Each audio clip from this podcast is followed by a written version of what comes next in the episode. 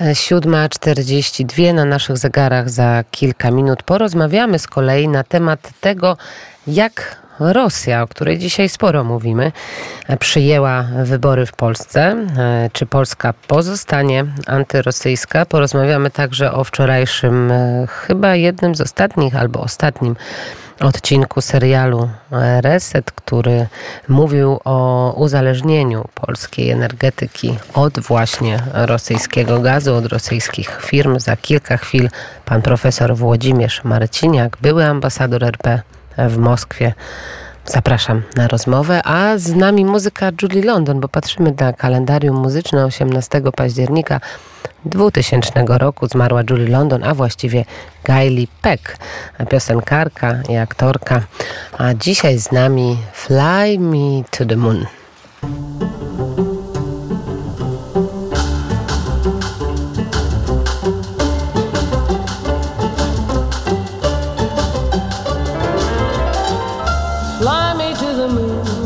Let me play among the stars.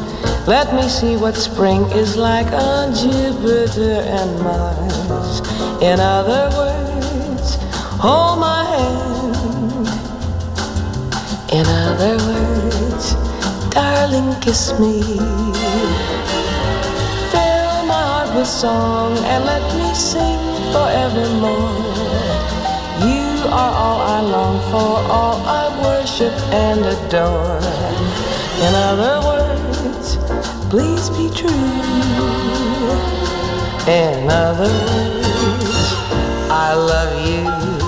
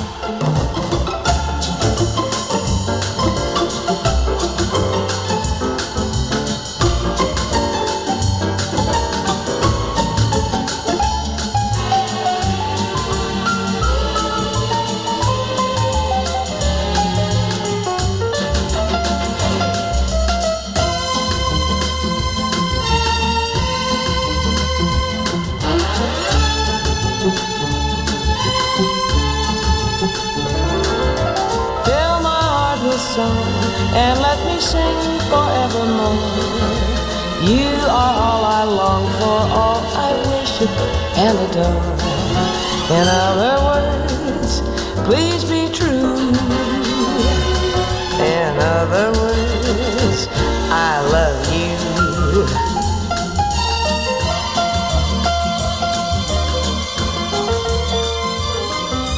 Reklama Cotygodniowy raport giełdowy w Radiu Wnet. Chcesz być na bieżąco z najważniejszymi wydarzeniami na giełdzie?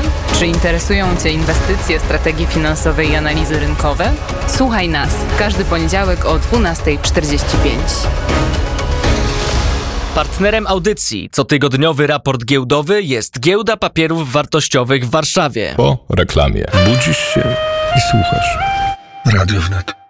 7.46 na naszych zegarach, a my mamy połączenie z panem profesorem Włodzimierzem Marciniakiem, Polska Akademia Nauk, e, były ambasador RP w Moskwie. Dzień dobry, panie profesorze. E, dzień dobry, kłaniam się. Ta moja asocjacja z Akademią Nauk to też już jest była. Ale to myślę, że nie, nie, nie, nie zmienia chęci rozmowy ze mną. Nie, nie, oczywiście nie. E, najważniejsze jest to, że zna pan politykę, przepraszam, rosyjską, że patrzy pan na to, co się dzieje e, w Rosji. No i właśnie pytanie o to, jak rosyjskie media, jak rosyjska władza patrzy na polskie e, wybory i na kształtowanie się przyszłego rządu. Yy, zacznijmy może od wypowiedzi oficjalnych. Ich nie ma wiele. Yy, wypowiedział się rzecznik prasowy prezydenta Dmitrij Pieskow, mm, bardzo krótko stwierdzając, że e, nie wiąże, że z wynikami wyborów nie wiążą jakichkolwiek przypuszczeń, nadziei na zmianę stosunków polsko-rosyjskich. On tam chyba, jeśli dobrze pamiętam, użył określenia, że w Polsce Rosji nie lubią i zapewne nic się nie zmieni. W podobnym duchu wypowiedział się dla jednego z kanałów telewizyjnych e, ambasador Rosji w Polsce Andrzejew. On tam jeszcze dodał, że stosunki pomiędzy polsko-rosyjskie są fatalne, no i jak zawsze Rosjanie, to nie nasza wina, to strona polska popsuła, ale zapewne e, też nic się e, nie zmieni. Mm, to też y, typowa retoryka. Ja to cały czas słyszałem, e, że jeśli jak byłem ambasadorem, tam e, oni dużą wagę przywiązywali do e, na przykład małego ruchu granicznego z obwodem kaliningradzkim ciągle oczekiwali na to, że my go wznowimy. Jeśli chodzi o takie bardziej nieoficjalne wypowiedzi, to bym zwrócił uwagę może na dwie na wpis e, politologa Fiodora Łukianowa. E, to jest w rosyjskiej polityce zagranicznej osoba nieoficjalna, ale odgrywająca pewną rolę, bo on jest związany z tak zwanym klubem wałdajskim. I on tam mniej więcej powiedział to samo, co, e, co, co Pieskow, ale dodał jeszcze, że przynajmniej jednej zadry będzie mniej. Czyli no w jakimś sensie wyraził satysfakcję z powodu wyników wyborów. Oni mają ewidentną alergię na punkcie PiSu, Jarosława Kaczyńskiego i to, to właśnie wyraził, wyraził Ukryjanow. A jeszcze przed wyborami wypowiedział się obszernie Aleksander Łukaszenka, który jest co prawda prezydentem Białorusi, ale ja bym tę jego, jego, jego wypowiedź traktował e, w, w taki sposób, że on stara się e, mówić e, to, co myśli Kreml. I też powtórzył, że w zasadzie nie, nie spodziewają się jakichś istotnych zmian w polityce zagranicznej Polski. Natomiast powiedział, że obecny rząd y, Prawa i Sprawiedliwości, y, wszyscy w Europie mają ich dość i Berlin i my. To znaczy my to pewnie miał na myśli właśnie nie tylko Mińsk i Moskwę. W związku z tym mają jakąś, być może coś się poprawi w stosunkach wzajemnych, ale to tylko w kontekście jako skutek poprawy stosunków Warszawy z Berlinem. No, tyle takich komentarzy e, oficjalnych i półoficjalnych na ten temat, czyli generalnie rzecz biorąc zadowolenie, ale świadomość, że w obecnej sytuacji chyba nic się nie zmieni w stosunkach polsko-rosyjskich, ale tak jak ja pamiętam, oni zawsze tęsknili za Tuskiem, za Sikorskim ciągle, yy, i być może liczą, że oni wrócą. Rozumiem, że Władimir Putin, yy, Igor Seczyn i yy, ta ekipa tęskniła za Donaldem Tuskiem i za Radosławem Sikorskim, a to jest ciekawe nawiązanie, bo nie wiem, czy pan profesor oglądał wczorajszy odcinek filmu Reset Michała Rachonia. I tam cały odcinek poświęcony był właśnie dywersyfikacji, a raczej braku dywersyfikacji, jeżeli chodzi o energetykę, jeżeli chodzi o gazownictwo e, osobą, która firmowała e, te dobre relacje polsko-rosyjskie był Donald Tusk, a także Waldemar Pawlak, który podpisywał bardzo niekorzystne kontrakty gazowe, jeżeli chodzi o e, Polskę. Czy pan myśli, że właśnie nie będzie nieco powrotu do takiej polityki w cudzysłowie, czy też nie w cudzysłowie resetu i jednak ocieplania tych relacji, które miały miejsce przez 8 lat rządów Platformy Obywatelskiej? E, no nie sądzę, e, przynajmniej w takim dosłownym tego słowa znaczeniu. E, Rosja sama się wycofała z europejskiego rynku gazowego. No i w związku z tym powtórzenie takich kontraktów jest w tej, w tej chwili jest niemożliwe. Natomiast tutaj ważna jest i dlatego o niej powiedziałem, ta obszerna wypowiedź Aleksandra Łukaszenki. On się wdał w analizy geopolityczne, no takie zupełnie rozsądne, to znaczy Berlin i Moskwa mają wspólne interesy. E, a zmiana rządu może spowodować w Warszawie, że, e, że Polska bardziej będzie liczyła się z polityką Niemiec. I w tym tylko kontekście e, to jest, to jest oczywiście możliwe, no ale to musi, to może się dokonać dopiero po jakimś no właśnie nie wiem jak to powiedzieć, zakończeniu wojny z Ukrainą, po ewentualnie zawieszeniu broni, czymś takim, e, e, po zakończeniu gorącej fazy tego konfliktu, kiedy dojdzie do resetu pomiędzy Moskwą a Berlinem. I dopiero wtedy wtedy to ewentualnie wchodzi, wchodzi w grę. Bo patrząc na sprawy ja powiem, z obecnej perspektywy, jest to, jest, z dzisiejszej perspektywy jest to niemożliwe, natomiast na przyszłość jak najbardziej, ale to tylko w, wydaje mi się w tym, e, w tym, e, w tym kontekście. E, panie ambasadorze, kilka minut temu rozmawiałam z naszym przedstawicielem, korespondentem Radia Wnet w Szanghaju. No i doszło do spotkania pomiędzy Wiktorem Orbanem i Władimirem Putinem właśnie podczas szczytu, który odbywa się jeden pas, jedna droga. Panie profesorze, co oznacza to spotkanie dla Europy Środkowo-Wschodniej? Dlaczego Viktor Orban e, spotyka się z Władimirem Putinem? Nie ma żadnych tutaj hamulców, nie ma żadnych ograniczeń, nie patrzy na nastawienie Brukseli, Berlina czy też Unii Europejskiej, tylko gra zupełnie swoją własną grę i swoją politykę. No, Orban gra swoją grę od dłuższego czasu i oczywiście no taką opartą, ja bym powiedział, na wartościach europejskich, czyli szantażu, e, niedotrzymywania słowa, e, w stosowaniu podwójnych standardów i tak dalej. Tak, e, także on jest być może dlatego w konflikcie z Brukselą, że postępuje tak jak i Bruksela.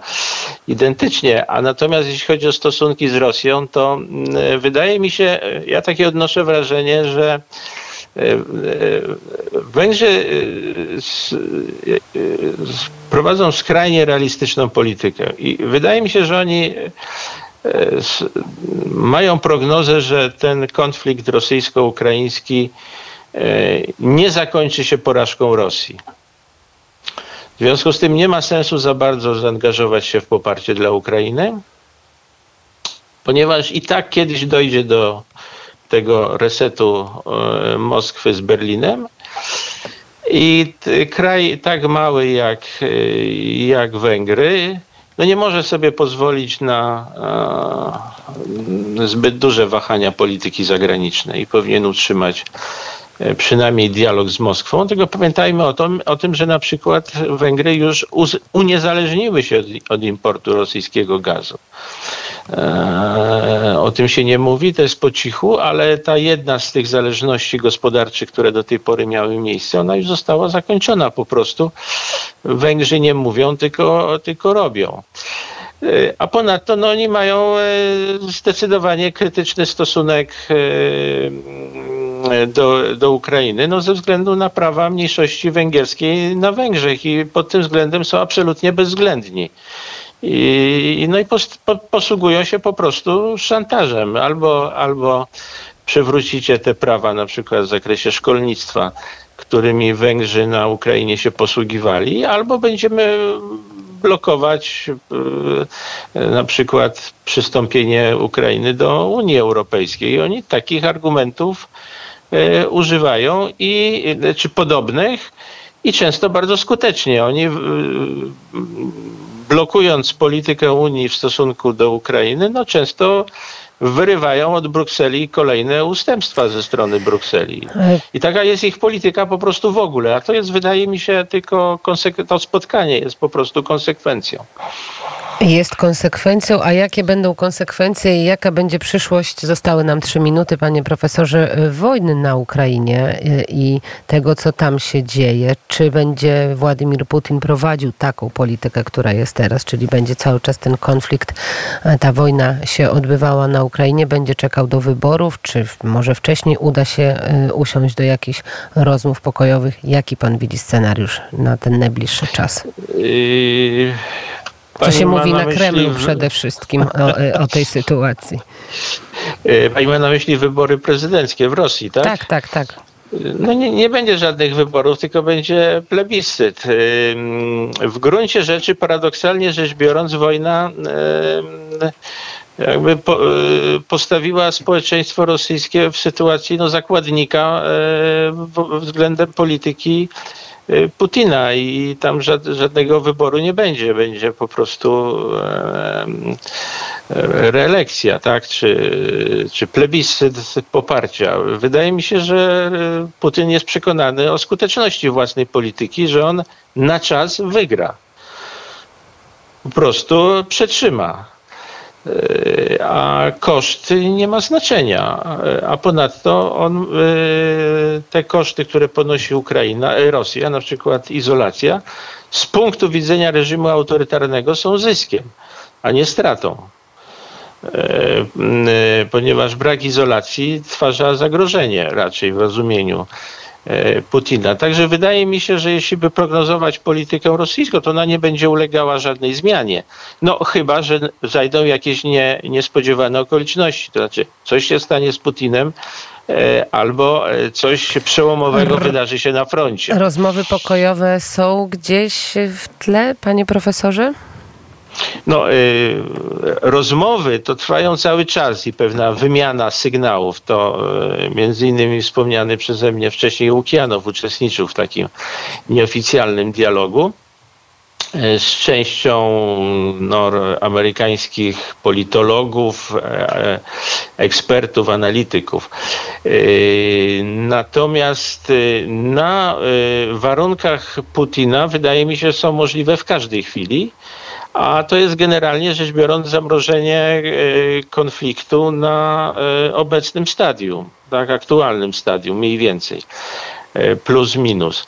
E, Decydująca jest postawa Ukrainy e, i władz Ukrainy, zwłaszcza w obliczu tego, że kończy się e, w maju, maju przyszłego roku kadencja prezydenta Zołęckiego. To po pierwsze i cały czas widzimy wahania w postawie Zachodu. No przede wszystkim Stanów Zjednoczonych, ale także i Niemiec. Y, y, Wahania y, co do postawienia, sformułowania celów poparcia dla Ukrainy. Czy celem tego poparcia jest niedopuszczenie do porażki Ukrainy? Czy celem tego, tego poparcia jest doprowadzenie do zwycięstwa Ukrainy? I Waszyngton ciągle się waha pomiędzy jednym a drugim, czego skutkiem są no, te nieustanne opóźnienia w dostawach broni, amunicji, wahania w zakresie szeroko rozumianej pomocy e, dla Ukrainy. e, Czego z drugiej strony efektem jest, są te wahnięcia w polityce zagranicznej Ukrainy. No, nagłe zaostrzenie stosunków z Polską, na pozór, e, na pozór e, absurdalne, ale w gruncie rzeczy zrozumiałe w kontekście właśnie napięć występujących pomiędzy Ukrainą a Tutaj Stanami Zjednoczonymi. stawiamy kropkę. Pan profesor Włodzimierz Marciniak, politolog, sowietolog, były ambasador Rzeczpospolitej Polskiej w Rosji. Bardzo dziękuję za rozmowę, panie profesorze. Dziękuję uprzejmie, do widzenia.